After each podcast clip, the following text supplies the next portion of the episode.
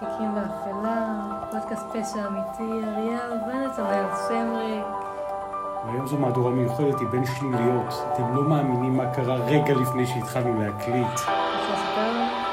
אתם תראו את זה. אני עוצר רגע אחד מהמצלמה לצופינו ביוטיוב. שנייה אחת. בינתיים אני אספר מה קרה. בינתיים שהמצלמה רגע עוברת, הסרטון אולי יעלה, אולי לא. אה, כרגע הוא נשמר איתנו. אז היה איזה... בדרך כלל יש לנו על השולחן איתנו, יחד עם המצלמה, עם ההקלטה והפתיחה. יש גם כוסות מים. שהם... אה, מרוב דיבור הגרון שלנו מתחיל אה, להתייבש, אז... שותים. רוצה להשלים אותי? כן. נראה לי... אה, רגע לפני שהתחלנו, נגעתי בשולחן, בא להתיישב, הפעיל את המצלמה, ככה מתמרנים. הכל על המילימטר. ואז תיק אחד באפלה, כוס השפריצה, לכיוון הסלולרי, מכשירי ההקלטה. אנחנו ממשיכים לנגב תוך כדי זה בשידור live to tape. למה? רק השולחן נרטב, המכשירים עצמם, ההקלטה לא, לא. נפגעה. אבל עדיין ניגבנו ועדיין יש פה שליליות בין לבין, זה לא החורף של נובמבר 22. זה חורף של השולחן. כל. אחד צריך אה, לעבור חילופי מי שאתם אה, מקשיבים זה פודקאסט אה, של פשע אמיתי, והיום שיחה פילוסופית בין היתר גם על הפודקאסט, שנקרא תיקים באפלה. באמת כל שבוע אחד מאיתנו חוקר ומוצא נושא, בלי לשתף את תהליך המחקר את, את הבן אדם השני ששומע את הנושא בפעם הראשונה כאן יחד. אפילו ש... תדעו, זה תהליך לא פשוט, כי הבן אדם השני, גם מתעסק באותו העניין, קראו לנו כמה פרקים שהנושא הוכר על ידי הבן אדם השני. ואנחנו גם גרים קרוב אחד לשנייה, בסדר, ליד. באותו בית. אותו מסדרון. בדיוק. בהחלט אפשר לחשוב שהנושא ידלוף, אבל לא. בפעם הראשונה זה קורה כאן. מי שמקשיב לתיקים באפלה יכול להקשיב לנו היכן אריאל סמרית. אתם יכולים אה, לשמוע אותנו בפלטפורמת הפודקאסטים, ההסכתים בעברית, אה, ספוטיפיי, גוגל פודקאסט, אה, אפל פודקאסט ו-RSS. אתם יכולים למצוא אותנו ברשתות החברתיות, בעמוד האינסטגרם שלנו, שם עולים תמונות, עדכונים ופרטים לגבי הפרקים. אתם יכולים למצוא אותנו בקבוצת הפייסבוק, שם עולים בדרך כלל כישורים אם יש, פרטים, עדכונים ותמונות לגבי הפרקים. הכל בחיפוש אה, תיקים באפלה, אריאל ונתנאל סמריק. אה, היום הפרק אתה מביא. היום הפרק אני מביא, ועולה שאלה פילוסופית על היקום המקביל. Hmm, כתבה טריה שיוצאת בסוף השבוע הזה בהארץ דה מרקר, על היקום המקביל של נטפליקס ושל הרבה מאוד פלטפורמות, שגיבורי העל החדשים הם הגיבורים של תיקים באפלה, בין היתר רוצחים סדרתיים. אני אומר גיבורים, כי הכותרת היא ככה, ושימו לב, במסווה של ניטרליות חקרנית, הופכת הטלוויזיה, אני מוסיף, ופודקאסטים, את הרוצחים הסדרתיים לגיבורי תרבות. סימן שאלה. צעצועים ומרצ'נדייז של רוצחים סדרתיים הם רק עניין של זמן. טור מרתק שכותב ניצן שור, שהוא אחד מהמורים האורים והתומים בתחום של קולנוע, תחום של טלוויזיה, גידל דורות רבים מאוד של תלמידים בתחום, והוא קורא לסדרה של ג'פרי דאמר, היא לא שלו אבל היא אודותיו, סדרה מבחילה. באיזה מובן? לאורך שש שנים של הסופרנוס, סופרנוס, נקרא לזה סדרת המאפיה העדינה של HBO, התנהל דיון ער לגבי מידת המוסריות של הסדרה. השאלה בפתח כל הנושא הזה, ואני נשען בהקשר הזה על המאמר המרתק של סוף השבוע הזה של ניסן שור, הסדרה אומרת דבר מאוד פשוט. רגע, מה מטריד אותך? האחוז שיש ב... במכשיר ההקלטה שלנו. כמה, כמה אחוז מחזיק? כמה אנחנו נותנים למספר? 50? 50 זה סוחב? מחזיק בדיוק. בדיוק, אנחנו בדיוק עלתה נשב... לי השאלה אם לחבר אה, רגע מתן תוך כדי ההקלטה. היה 50. רגע בדיקה תוך כדי בתקווה שתמשיך את, ה- את הנרטיב שלא יהיה בהקלטה השלכה. אתה הוסמכת נראה לי? תמשיך? לגמרי. אז אנחנו נהיה ממוקדים. אני מאוד ממוקדת, אני עושה את זה תוך כדי הקשבה. אני רק רציתי להיות אה, בעין רגע על הדברים. היום אנחנו עם הרבה מאחורי הקלעים לפני הקלעים. הגשם. טיפות המים, מידת ההקלטה. אני חוזר לנושא. הנושא הוא, האם גיבורי התרבות של הפודקאסטים ושל הסדרות הנצפות ביותר בעולם בנטפליקס, שהן סדרות של פשע אמיתי ובשיאן רוצחים סדרתיים, האם הסדרות האלה יוצרות בסופו של דבר מצב של רהביליטציה, של קבלה והפיכת הרוצחים המאוסים באלף לגיבורי תרבות, משהו שיכול לתת לגיטימציה. זה הנושא של הפודקאסט, ואנחנו הולכים בתוך, בעקבות המאמר של ניסן שור, שדעתו בתחום הזה של תקשורת וקולנוע מאוד נחשבת, הוא חלק מהאורים והתומים, והוא כותב ב"הארץ TheMarker". לאורך שש שנות של אפשר, הסופרנוס, אה, כן, הערה לפני, בוודאי. אני לא יודעת אם אתה מתמקד ספציפית באור התקשורתי ששמים את אותם רוצחים, או הקולנועי. אני אדבר רגע בתקשורתי, בתקשורת, בעיקר ב... אם לא רק, לא, אני אגיד בעיקר בחדשות. יש את האור הניטרלי, מנסים מאוד לשים דברים כביכול באור ניטרלי, יש המון ערוצי תקשורת שדווקא כן, בגלל שסך הכל אנשים כותבים את אותם סיפורים, את אותם חדשות, שקרים, מה שבא ליד, ודעתם, לאנשים יש דעה, אז לפעמים כתבות מסוימות כן יכולות אה, ל- לטעון, אפילו יש ערוצי תקשורת מסוימים שיותר ימנים, שמאלנים, שכן מביעים עמדה קצת מתחת, אבל יש המון אה, ערוצים מסוימים, כאילו מהותית, במהות של תקשורת זה אמור להיות מאוד ניטרלי, אלא אם כן יש כתבת פרשנות או טור דעה.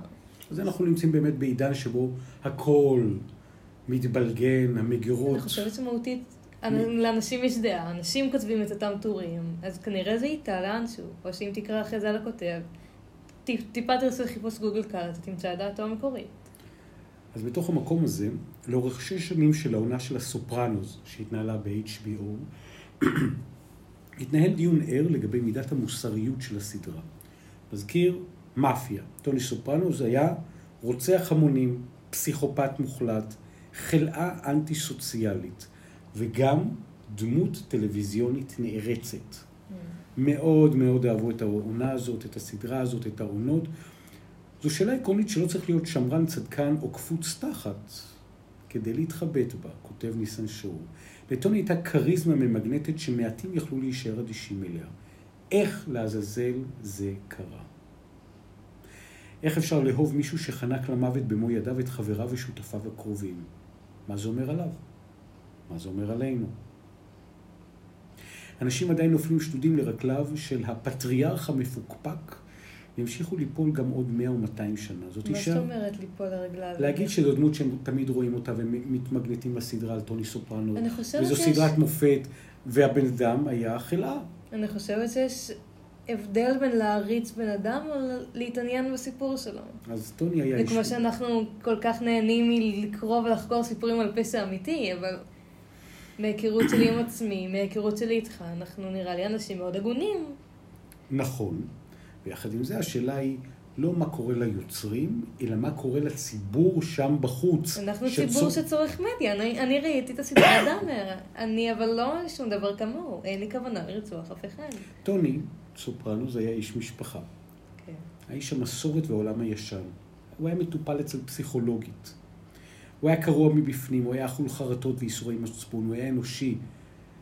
והוא היה איש שנראה ומתנהג כמונו הרבה יותר ממה שאנחנו מוכנים ליהנות ולהודות, במובן הזה שבכולנו יש קצת איש מאפיה, בכולנו יש קצת טירוף, בכולנו יש קצת רוצח סדרתי. השאלה אם ומתי הוא יתפרץ. לפחות אצל טוני סופרנו הייתה איזושהי דואליות, היה אמביוולנטי. זה הגאונות של דיוויד צ'ייס, היוצר של הסדרה. הוא ברא דמות שהצליחה להיות גדולה מהחיים ומתאימה להם בול, ואפילו גם קטנה וקטנונית, והוא ממש עקב אחרי כל הניואנסים של הסדרה, גם על האכזריות שלה. אני חושבת שהוא, לא ראיתי את הסדרה עצמה, אבל אולי מה שהוא מתכוון להגיד שהוא יצר את זה מאוד אנושי, מאוד שקל להזדהות עם רגעים בו. אז הסצנות האלימות, כך אמר אה, אה, צ'ייס עצמו בריאיון, הוא הושפע מהומור הסליפסטיקי של לורל והרדי בכלל. משם הוא כתב והוא יצר. אני חושב שרוב האלימות בסדרה נראית מצחיקה בגלל הידיעה שכולנו עשינו דברים רעים. או במילים אחרות, כולנו, סליחה על הביטוי, חארות.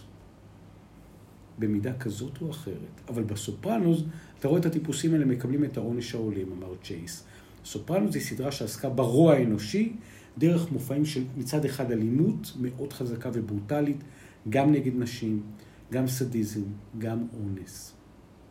אבל היא לא הייתה נרפאת ולא התענגה על ייסורי המתים ולא ספרה גופות, הייתה לה אירוניה עצמית, ואם הצופה יתחבב על כל החולרות האלה, זו אשמתו וגם זכותו. זה טוני סופרנו, הדמות, כך הוא נראה. שוב, אנחנו... הכתבה עצמה תעלה בעמוד הפייסבוק, בקבוצה. שם אה, נמצאת התמונה שאנחנו מראים במצלמה כרגע. עכשיו, אנחנו הולכים לתוך המפלצת. הסיפור של ג'פרי דאמר, שנגענו בו פעם ועוד פעם ועוד פעם, נכון. מכאן, מכל מיני זוויות. אחת הסדרות הפופולריות ביותר של נטפליקס בכל הזמנים. אוקיי. ג'פרי דאמר, אני מזכיר, רוצח סדרתי, קניבל, נקרופיל, רצח 17 גברים, וכותב ניסן שור, הסדרה מבחילה. ראיתי שני פרקים וחצי ולא המשכתי. הוא לא ראה אבל הכל. בשביל מה? הוא שואל. זו סדרה שמתעללת בצופה ונהנית מהתיאורים האותנטיים במרכאות של מעשי הרצח. אני לא רך לבב, אני צופה בענה בסרטי אימה שמתו אנשים ונרצחו אנשים וכולי. דאפר, דאמר, הוא כותב, היא גרועה הרבה יותר מכל זוועה מדומיינת ומופרכת, לא רק בגלל שמדובר בסיפור אמיתי, אלא מכיוון שהשחזור הדרמטי הופך את הדמות הראשית לגיבור, וחלק בלתי נפרד מתרבות הפופ. זאת אומרת, הוא כותב בתוך המאמר שאנחנו מעלים עכשיו על נס, בתוך תיקים באפלה, לא פלא שהתחפושת להלואין בדמותו של ג'פרי דאמר הפכה להיות הכי פופולרית עד שאי-ביי הסירה עמודים שהציעו אותן למכירה. הוא הפך להיות גיבור תרבות. אני לא יודעת אם זה גיבור תרבות, אבל הציגו את הסיפור שלו מאוד לעומק, מאוד אנושי. ראו את הילדות שלו, ראו את ההורים. לא חושבת שזה... אבל לא הראו את זה באור לגיטימי. הראו שם את הקורבנות, הראו שם את ההשתקה של האירוע על ידי המשטרה. השחקן זאק אפרון, שהוא חתיך הוליוודי, והוא מגלם את ג'פרי דאמר. זה הזאק אפרון? כן. אני לא שמתי לב, וואו. וואו. שהוא באמת חתיך הוליוודי ממוצע. אני זוכרת אותו שהיה בן, כאילו שהוא שיחק בהייסקול מיוזיקל. דאמר כבר לא נתפס כאיש אמיתי שחי ופעל בעולם וגזל חיים של חיים מפשע, כותב במאמר. אני חושבת שקל להרחיק את עצמך מסיטואציות. אתה רואה את זה בסדרה מנטפליקס, הכל שם אה, כביכול מבוים. וזאק אפרון, שגילם את הרוצח הסדרתי, טד בנדי, בסרט נוסף שהפיקה ענקית ה streamers, והיוצרים של הסדרות הללו משחקים משחק מסוכן. מצד אחד הם כאילו תופסים צד ניטרלי, מתחקרים, מביאים את הסיפור, הם רק מספרים את הסיפור, דבקים בערכים ריאליסטיים, אבל בפועל דמות הרוצח הסדרתי עוברת איזושהי רומנטיזציה, איזושהי העלאה, והוא נהיה קצת אלוהי. דאמר הוא לא הנבל, אלא זווית ראייה הופכת אותו לדומיננטי, הוא עובר איזשהו סוג של רהביליטציה, נכתב במאמר. הקורבנות מושתקים, הסדרה נהנית מהזעזוע המיידי, לשם היא מכוונת. זה הרווח שלה, בגלל זה צופים בה. אין לה חוש הומור, אין בה שלינות, אין בה רגישות, אין בה אמפתיה, כותב במאמר. וג'פרי דאמר הופך להיות דמות אסתטית. הוא נראה כמו דוגמן בהפקת אופנה של רשת האופנה המנוחה American, whatever. היפסטר עם משקפיים גדולים, שרק במקרה שחט הומואים שחורים ואכל להם את הכבד. אני חושבת שזה הסיפור עצמו של ג'פרי דאמר, לא בהכרח אה, בסדרה הכ... עצמה. ואז הכיעור נהיה פוטוגני, כי המעשים המחרידים הם סיבה ל binge. ואז זה הולך בעצם, עולה פה שאלה על שני הצירים. האם כשחוקרים לעומק ומביאים באופן אובייקטיבי סיפורים של מפלצות, שאנשים מתחברים אליהם, משחקים פה משחק מסוכן. כי נותנים לגיטימציה לרוצח הסדרתי. זה אני דווקא מסכימה עם האמירה הזאת באיזשהו מקום. כן מראים משהו לא בסדר ונותנים לאנשים ליהנות מזה, כי זה סדרות זה, שוב, כמו שאמר משהו שרואים בבינג', אבל אני לא ראיתי אותו באותה סדרה באור חיובי בהכרח. אפשר היה לראות את הזעם של המשפחות של קורבנות, הוא עצמו בסדרה אירח, כאילו, לא יודעת אם חרטה, אבל הודה בפשעים שלו, וראה שזה, שזה לא בסדר. היה לו איזו בקשה שיסלחו לו, לכן הוא הוטבל בסופו של דבר. לא חושבת שיש שם לגיטימציה בהכרח. בנטפליקס, או ניסיון ללגיטימציה. כותב במאמר, נטפליקס, נטפליקס הבינו די מהר שרוצחים סדרתיים הם מכרה זהב. זה התחיל עוד קודם באין ספור סדרות הפשע האמיתי. כל רוצח סדרתי שפעל אי פעם בהיסטוריה הוא כעת פוטנציאל טלוויזיוני, דוקו או עלילתי. מפיקים ממולחים בוודאי מחטטים בארכיונות של המשטרה וה-FBI ומחפשים שם איזשהו מישהו שרצח נערות ועוד לא התגלה על ידי אחד מגופי השידור ועוד לא הספיקו להחתים אותו, זו תקשורת לדעתי, למצוא כן. איזה סיפור מבריק ולהוציא אותו לאור. כן, להחתים אותו על קרובי המשפחה שלו לחוזה בלעדיות. זה בידור נחות ונוסחתי, כותב ניסן שור. נעזוב את זה שאת הצפייה ברוב הסדרות האלה אפשר לחסוך, פשוט לקרוא את הערך הרלוונטי בוויקיפדיה. זה יחסוך לכם זמן וכאב אבל ראש, הסוף ידוע, אין הפתעות, וגם אם יש, למי אכפת? ראיתם רוצח סדרתי אחד, ראיתם את כולם. אם ההוא לא אכל את הכבד, הוא ניסר את הגופה לחתיכות. אם לא היו דאדי אישוז, אז האמא התנכרה לו בלידה, יופי, נורא מרגש. הוא כותב. זה כן יש איזה משהו מרגש. אם אתה לא חווה את זה בעצמך, זה משהו שונה. אתה לא... אתה לא חווה את זה בעצמך, זה משהו לא מוכר. אתה? זה, יש בזה איזה משהו מאוד מעניין. אז פה, במאמר מאוד מאוד חריף, כותב ניסן שור, שכאמור לימד דורות של תסריטאים ובימאים ושחקנים. הוא אומר, רוצחים סדרתיים זו סוגה, זה סוג מוכן מראש, לא צריך להתאמץ יותר מדי. אולי לא, אבל יש זה רוצ- עדיין מרתק, זה יש- עובד. זה עובד, והוא מתקומם על זה שזה עובד. הוא אני שומעת. יש רוצח, יש קורבנות, יש תעלומה, יש פתרון, זה one size fits all, כותב במאמר בהארץ דה מרקר, לתסריטאים עצלנים ולבימאים לא מוכשרים במיוחד. יש אבל סדרות אה, פשע אמיתי שלא הגיעו רחוק. בהוליווד ובנטפליקס אוהבים סיפורים אמיתיים, כי לא צריך להיכנס לתוך כל הבוג'רס של להמציא דמויות ולדמיין. בדוקו מכניסים קצת מוזיקה דרמטית ואילוסטרציות חשוכות, והופה, הכל ארוז ומוכן לאכילה. הרוצחים הסדרתיים מעורטלים מזהותם האמיתית והופכים לסנסציות. באמתלה פסיכולוגיסטית אנחנו אמורים כעת להבין את המוטיבציות שלהם, אבל רוב הסדרות הללו מוגבלות ושטוחות. הן כבולות למה שהתרחש במציאות. ולפרדיגמה יצירתית שהשתרשה מהר מדי ובקלות רבה מדי. זאת אומרת, יש פורמט, יש סדרה, יאללה בוא נתקתק עוד איזשהו רוצח סדרתי. אני כן מסכימה עם מה שהוא אמר על הלגיטימציה שבאה לידי ביטוי בתחפושות של אותם אה, רוצחים, אותם פושעים. או נגיד, אפילו בסדרה עצמה של דאמר, אה. היו אנשים אה, שתיארו את עצמם כמעריצים שלו, שביקשו חתימות, וכתבו עליו קומיקסים. הנה. זה, אני חושבת, התוצאה הלא טובה של זה. אבל כן, יש בזה משהו מאוד סוחף באותם סיפורים. משהו מאוד מעניין, שאולי לא צריך אה, בימוי יוצא מן הכלל, אבל... אלא הסיפור עומד בפני עצמו.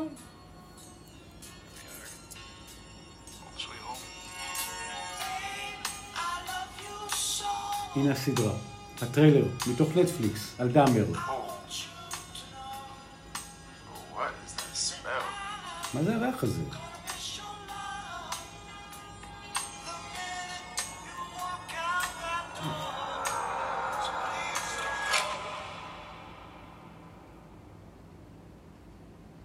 בום בום.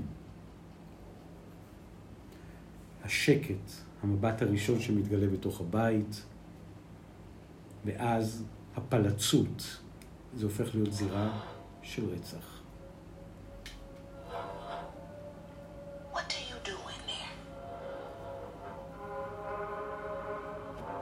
מהסדרות הנצפות בתולדות נטפליקס.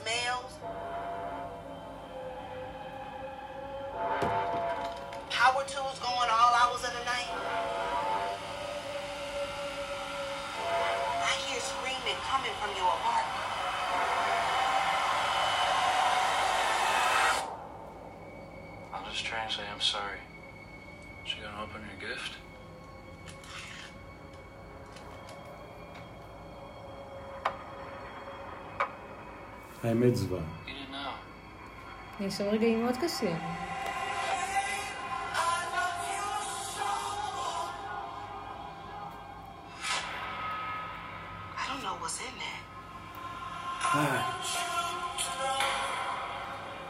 That's just meat. זה בשר. I'm not eating that. סצנה שבה דאמר הביא לשכנה שלו שניסתה להתקשר במשטרה עליו כריך עם בשר, אחרי שהריח ריח רע מהדירה לידה. וכשאת רואה את זה, מה את מרגישה? אה, הלם, הלם.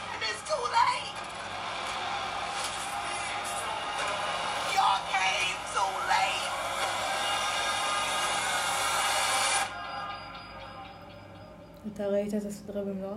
עדיין לא, אני מתלבט לגבי זה, אבל אני מניח שאני אראה אותה. להשלים איזה כן, משהו כן. מעבר לאותן כתבות. לגמרי. ובתוך המקום הזה, זאת השאלה הפילוסופית שעולה מתוך המאמר, והשאלה בתוך המקום הזה היא, מה דעתנו? כי נטפליקס ש- הודיעה שהיא הולכת להפיק עונות המשך של דאמר, מה יש בהמשך אבל? תחת הכותרת מפלצות. כל עונה תתמקד ברוצח סדרתי אחר. יש להם עוד כמה סדרות כאלה של אה, כל פרק למשל זה מתמקד בתיעודי של אה, רוצח אחר. זאת אומרת, יש פה יקום, כמו היקום של מארוול, רק שבמקום גיבורי על, מדובר באנטי גיבורים רצחניים שהיו באמת. הרוצח הסדרתי הוא התשליל של הסופר הירו, כותב ניסל שור. כמו המיתולוגיה האמריקנית הקפיטליסטית, אבל הם עיוות והגזמה טוטאלית. אני חושבת אבל סדרה ספציפית של דאמר. הקורבנות היו הגיבור באיזשהו מקום. לא יודעת אם גיבורים, כי בסופו של דבר נהרגו, אבל הם אלו שהוצגו לטובה. אבל פתאום, פתאום, כמו הקומיקס, הסיפורי של הרוצח הסדרתי הופך להיות סיפור עם תשוקה ועוצמה. יש לגיבור העל כוחות על-טבעיים, הופך להיות סוג של Iron Man, באטמן, ספיידרמן, פועל מחוץ למערכות החוק הממוסדות והחלשות, והרוצח הסדרתי מנצל את החולשה של אותן מערכות כדי להמשיך ולפעול כרוצח שמחפש קורבנות ללא מעצורים. עם האמירה הזאת אני דווקא כן מסכימה, ומציגים את זה מאוד בבירור בדאמר. אז זהו, אז השאלה אם פה הם הופכים להיות אמריקאים, ואנחנו בעצם, התקשורת מלבינה את רוצחי העל כמו סוג של American Pie. הם הופכים להיות משהו שעושה עכשיו קאמבק, שהופך להיות חלק מקולקציה יוקרתית, ואז יכול להיות שזה גם יעודד אנשים אולי לבצע מעשים נפשעים כדי להיות גיבורי תרבות. זה כן יכול להיות מוצג ב- אה, בצורה כזאת ש... שאנשים יחשבו שוואו, זה כל כך פשוט להתחמק מרשויות, זה כל כך פשוט להרוג עשרות אנשים, ועוד לקבל על זה סדרה. ולקבל על זה באמת את התהילה אחרי זה. גם אם הם אה, ישבו עכשיו בכלא, הם יקבלו על זה איזה סדרה באתר מאוד מפורסם, הנה, עם אלפי צופים, מאות, אפילו מאות אלפי. אפילו מיליוני צופים. אפילו. ואפילו עשרות עשרות- מיליונים. יש אפילו סדרות שלא מקבלות כזה הרבה הכרה, אבל עדיין הם, ב... הם עדיין באוויר. אמ, אז אף אחד כבר לא תוהה אם זה ראוי או לא ראוי להציג דמויות כאלה בטלוויזיה. השאלה באיזה אור הם מציגים. יש איזה מונח בתקשורת של... לבריאות. יש מונח באמת תודה. בתקשורת של הבניית מציאות. שאתה צובע באותה כתבה, באותה סדרה שעשית, אתה צובע את המציאות. אתה מראה מי הגיבור, מי האנטי גיבור, מי ה... אתה בונה, אתה מציג את הסיפור, אתה כותב, אצלך יש את העט. עכשיו אני כותבת סיפור על אה, פשע אמיתי, אני אבחר אם להציג את אותו, אה, את אותו פושע באור חיובי, באור שלילי, כהגיבור, כהנבל, או את הקורבנות שלו כהקורבנות המסכנים, או ה... אני יכולה לבנות, אם מי שעושה את הסדרה יכול להבנות את זה איך ש... לפי המציאות שלו. אז הוא כותב, ניסן שור, בינתיים עוד אין מרצ'נדייז של ג'פרי דאמר ויתר הקולגות, גם לא צעצועים, גם לא קלפים, גם לא משחקי מחשב, אבל אל דאגה, גם זה יגיע אולי. מתישהו. אז בעצם זו הנקודה. מה האם- אתה אומר? מרגיש לי שאני זרקתי פה אמירות תוך כדי ולא שמענו אותך חוץ מהכתבה. אני אומר, כמו כל דבר, המבחן הוא מבחן פשוט, שתי מילים, שכל ישר. מצד אחד, אני בעד מאוד לתת במה לסיפורים מרתקים, מצד שני, לארוז אותם בצורה שהיא עושה ומעבירה מסר ברור מי הרעים, מי הטובים, אותה הבניית מציאות. מה הרמה הערכית, מה המסר הערכי ששולל מכל וכול את הרצח כרצח, ומצד נוסף מאפשרת להיכנס אל דפנות הנפש הפגועה של הרוצח ולהבין למה זה קורה כשהמטרה היא לא ליצור את הרוצח הסדרתי הבא, אלא להפך, למנוע את הרוצח הסדרתי הבא. לבוא ולאפשר טיפול, לבוא ולעודד אה, בקשת עזרה, לבוא ולהדליק נורות אזהרה, שאנשים שרואים את נורות האזהרה בחיים שלהם ידעו, היי, לידי יש רוצח סדרתי פוטנציאלי, אם לא נטפל... או אפילו הכי פשוט, לידי יש מישהו פגוע שצריך עזרה. בדיוק, ולכן אם לא נטפל, זה עשוי להתקלקל. נכון. אז אני בעד הסדרות. אני רק אומר שחשוב להדגיש שהמסר וההבניה צריכה להיות כזאת שתאפשר לסדרה לחיות במקום שלא תייצר גלוריפיקציה. לא של רוצחים סדרתיים, גם לא של מעשי התאבדות, גם לא של מעשי פשע, אבל כן תעודד גילוי של הדברים עם כל הכלים הטלוויזיוניים שהטלוויזיה ועולם הסרטים מאפשרים. כי כמו כל ערוץ תקשורת, יש לזה המון כוח. יש... בעיקר כשאתה רואה את זה ויזואלית. אתה יכול לק- לקרוא כתבה, אתה יכול אה, לשמוע פודקאסט, אבל כשזה מצולם, זה כל החושים ביחד. בדרך כלל גם עוקבים אחרי הכתוביות, שומעים את הסאונד ורואים את זה. אז זה כמה חושים ביחד, וזה מאוד all in. נכון. אז זה הנושא שלנו הפעם. אם יש לכם גם תובנות, שאלות, הערות, סביב הסוגיה הזאת, האם מקרים של פשע אמיתי קשה, שזוכים לאהדה תקשורתית רבה, כדאי בהקשר הזה לתת להם במה, או שלהפך. אני לא חושבת שזה צריך להיות אה, 100 או 0, אני חושבת שזה צריך לקבל במה. מהמם. צריך להיות במודעות מה קורה. אמ, אבל- אבל לא עכשיו לעשות לזה, לא להעלים מזה עין. כי זה עדיין קורה, זה לא... שוב, כל אחד יפרש את זה איך שבא לו. זה למה בהמון ערוצי חדשות, בערוצי חדשות בהכרח זה צריך להיות ניטרלי. זו הסיבה. כדי להעלות מודעות, מהמם. אבל לא לקחת צעד. אני דווקא במובן הזה חושב שכדאי לשחרר את הציפייה שקיימת מערוצי החדשות היום. ב-99 אחוזים, האנשים שפותחים את הפה מדברים מתוך פוזיציה ומתוך אג'נדה והם לא נכון. בגלל ששוב, ניטרלים. אנשים מדברים את זה. אבל אני חושבת, במהות של תקשורת, של חדשות עצמן, זה אמור להיות ניטרלי, לבשר משהו, וזהו. ושוב, בעיתונות יש גם אה, טורי דעה, פרשנות, ששם זה סיקור אולי, ששם הדעה אמורה לעלות. היום כיוון שכל המשבצות כבר מטושטשות, מראש שרואים טלוויזיה, רואים כתבה, להבין שיש אג'נדה, או של הכתב, או של השדר, או של העורך, והיום כבר לא הייתי מסתכל על חדשות ניטרליות, אפילו לנו אגב יש אג'נדה, אני חושב. מה אג'נדה? טיפול, טיפול, אנושיות, לקבל עזרה, החושך המוחלט. אנחנו לא נראה לי אבל ערוץ חדשות, אנחנו לא מדווחים ומסקרים מה קורה. אבל אנחנו מעלים על, על, על, על נס נכון, הדגל. נושאים ומדברים עליהם באופן שהוא גם אובייקטיבי, אבל גם כן מעודדים להבין את הנפשו של האדם הפגוע ולהתריע כדי שלא יהיו מעשים של פשע אמיתי. להפך, כדי שאנשים יוכלו לזהות מראש את הנבואה הזרה. נכון. בעדינות, עם שלא המים, ישפכו המים. לא ישפכו מים. לגמרי. תיקים באפלה, פודקאסט פשע אמיתי, היינו ביחד אריאל, ונתנאל. סמריק, אנחנו מודים לכם שאתם יחד איתנו, עוקבים, משתפים, מדרגים, יכולים לקבל את הפודקאסט פשע אמיתי. רוצה הפעם אתה להגיד איפה אפשר למצוא אותנו? כן, אתם יכולים לקבל אותנו ישר לווריד בערוצים הבאים. ממש משלימים, אני, אני אמשיך אותך מכאן, אפשר להקשיב לנו בספוטיפיי, גוגל פודקאסט, אפל פודקאסט ו-RSS. וגם, וגם. קבוצת פייסבוק, אה, מה שאמרתי עכשיו זה ההסכתים, ערוצי הפודקאסטים, אפשר למצוא אותנו ברשתות החברתיות, בקבוצת הפייסבוק, שם עולים קישורים, תמונות, פרטים ופרטים לגבי ה... בעמוד האינסטגרם, הוא, תיקים באפלה. נכון, שם אה, עולות תמונות ופרטים לגבי הפרקים, ושתיהם אתם אה, יכולים להציע לנו נושאים שבא לכם לשמוע. מוזמנים להיות חלק מתוך הקהילה הזאת, תיקים באפלה כמו סיימנו. כן, אני חושבת היו גם כמה פרקים שבהם אה, דיברנו על... נושאים שאתם הבאתם. נכון מאוד. תודה שאתם איתנו. יכול לחפש תיקים באפלה. פודקאסט פשע אמיתי. נתראה בפרקים הבאים.